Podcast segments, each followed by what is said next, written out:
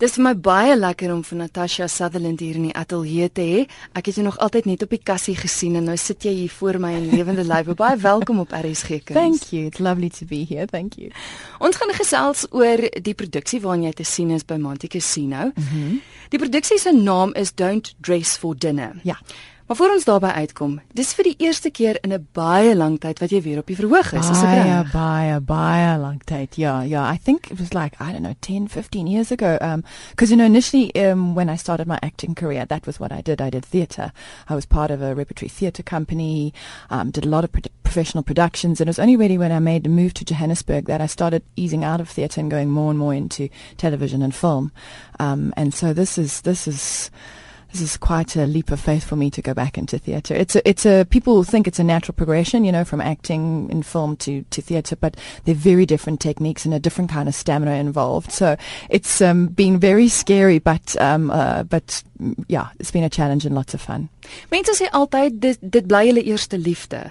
Veral as jy teaterwerk gedoen het. Voel jy dieselfde daaroor? Is dit vir jou 'n passie? Is jy bly jy kan dit doen? I've got a special connection to it because um, it's so closely connected to my mother and my father. You know, my mother, um, she taught drama. She was a, a, drama lecturer or head of the department at JCE. And my dad, I mean, that was his love. He was a director and a choreographer, and I grew up with seeing him, you know, design sets and going and watching rehearsals. So I think my connection is, is quite familial then, you know, very much connected to, to, I do love television and, and film because it offers a different kind of challenge. I think it almost um, offers a more intimate kind of performance.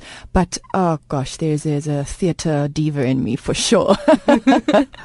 Kom ons praat gou oor Don't Dress for Dinner. Is yeah. is dit 'n bekende stuk? Vertel my 'n bietjie van die agtergrond. It is quite uh, well known in terms of uh, well it's a farce, okay? So that means it's kind of a ramped up comedy and it was written um, actually by a French playwright called Marc Camoletti quite a few decades ago, and then it was obviously translated um, into English. It had very successful runs overseas.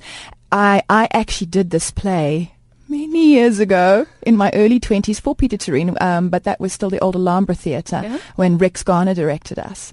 Uh, I, I was young enough then to play the mistress. Now I would like to think that I'm wise enough to play the wife. oh, life's great, isn't it? Just great.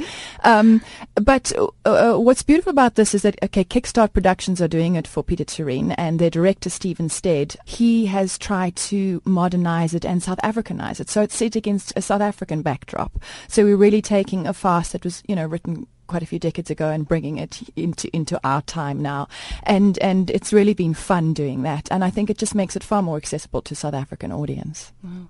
Vertel my 'n bietjie waaroor gaan dit? En en ook watter karakter speel jy? Okay, well um uh, okay, wait for it. I am playing the part of a wife called Jackie, whose husband Bernie is trying to get her out of their uh, little holiday game lodge in Hoedspruit. He wants to get her out because his mistress is coming to spend the weekend. yes, yes, yes, yes. I do see the irony in all of that. Okay, but like a typical farce, it has really got a lot to do with men and women and, and issues and lovers and mistaken identity and lots of door slamming and that kind of thing. Yeah. Um. So so it's great fun because um my character you know, she may come across as, as, as all chaste and, and perfect, but she's got a, you know, quite a few skeletons in her closet as well. Um, Bernie's best friend Rob is coming for the weekend, who we find out is actually Jackie's lover.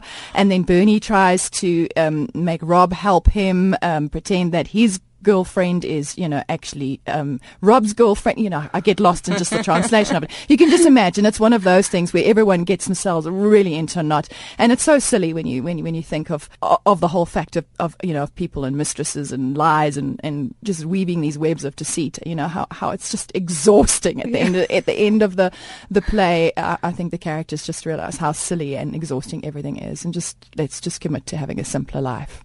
Jy meen nie iemand het oorweeg het om 'n mistress te hê. Dis al twee keer dink. yeah, I hope so when they see this. Just for the amount of sweat the poor guys have at the end because it's it's um it's a very physical piece, especially uh, Marc Camoletti's written for the men, and that's usually typical and fast. The the male characters, uh, you know, it's very physical because they're running around and and trying to cover up and trying to pretend and falling over couches and having arguments. So um it's it's a beautiful piece for them, and and you know they we the guys we've got are just brilliant. Wie is saam met jou op die verhoog? Well, we've got uh, really awesome actors. I'm completely humbled and terrified to be working with them. We've got James Cunningham, who's just the most beautiful, um, you know, physical actor. He's just amazing to watch. And Robert Fridjhon is, is just a master at comedy. Um, and then we've got Jana Ramos Violante. She's a Durban actress who's moved to Johannesburg, who is just excellent. She plays the cook, lovely Afrikaans character that she brings in, and she really is so bright and, and, and, and, and shiny on stage. I think the audience are just going to love her.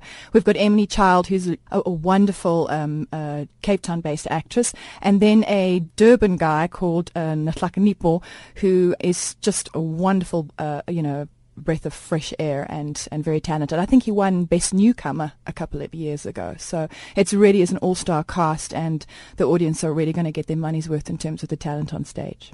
As mens bietjie kyk na die klug, ek dink jy het dit vroeër genoem ook. Daar's daar's 'n sekere resep aan 'n klug. En as mens bloot net kyk na die opsomming van waaroor dit gaan, laat dit jou dink aan baie ander ek bedoel dis soos 'n liefdesverhaal. Jy weet eintlik half soort van wat gaan gebeur yeah. in die ja. boek voor jy dit klaar gelees het.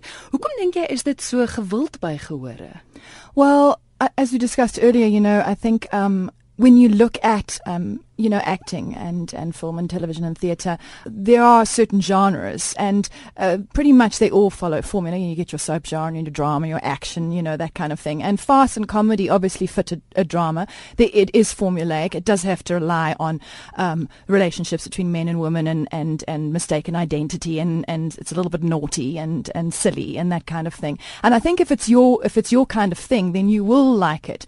But I think more importantly, it's just nice to go for a couple couple of hours and laugh uh, especially considering what's happening in the country at the moment. I'm not saying that we should disconnect and escape from, you know, what's happening. Obviously, we need to uh, uh attend to things and, uh, you know, invest in trying to, to make our country, you know, improve in certain areas. But I think that life is all about balance and we need balance. And I think this is, like I say to my friends and I say it to my, you know, social network, if you just want two hours of just complete silliness, like stupid silliness, then, then come and watch because, um, you really will have a good laugh. And there's nothing like a good laugh to, to just like, you know, give you medicine to carry on for the next week.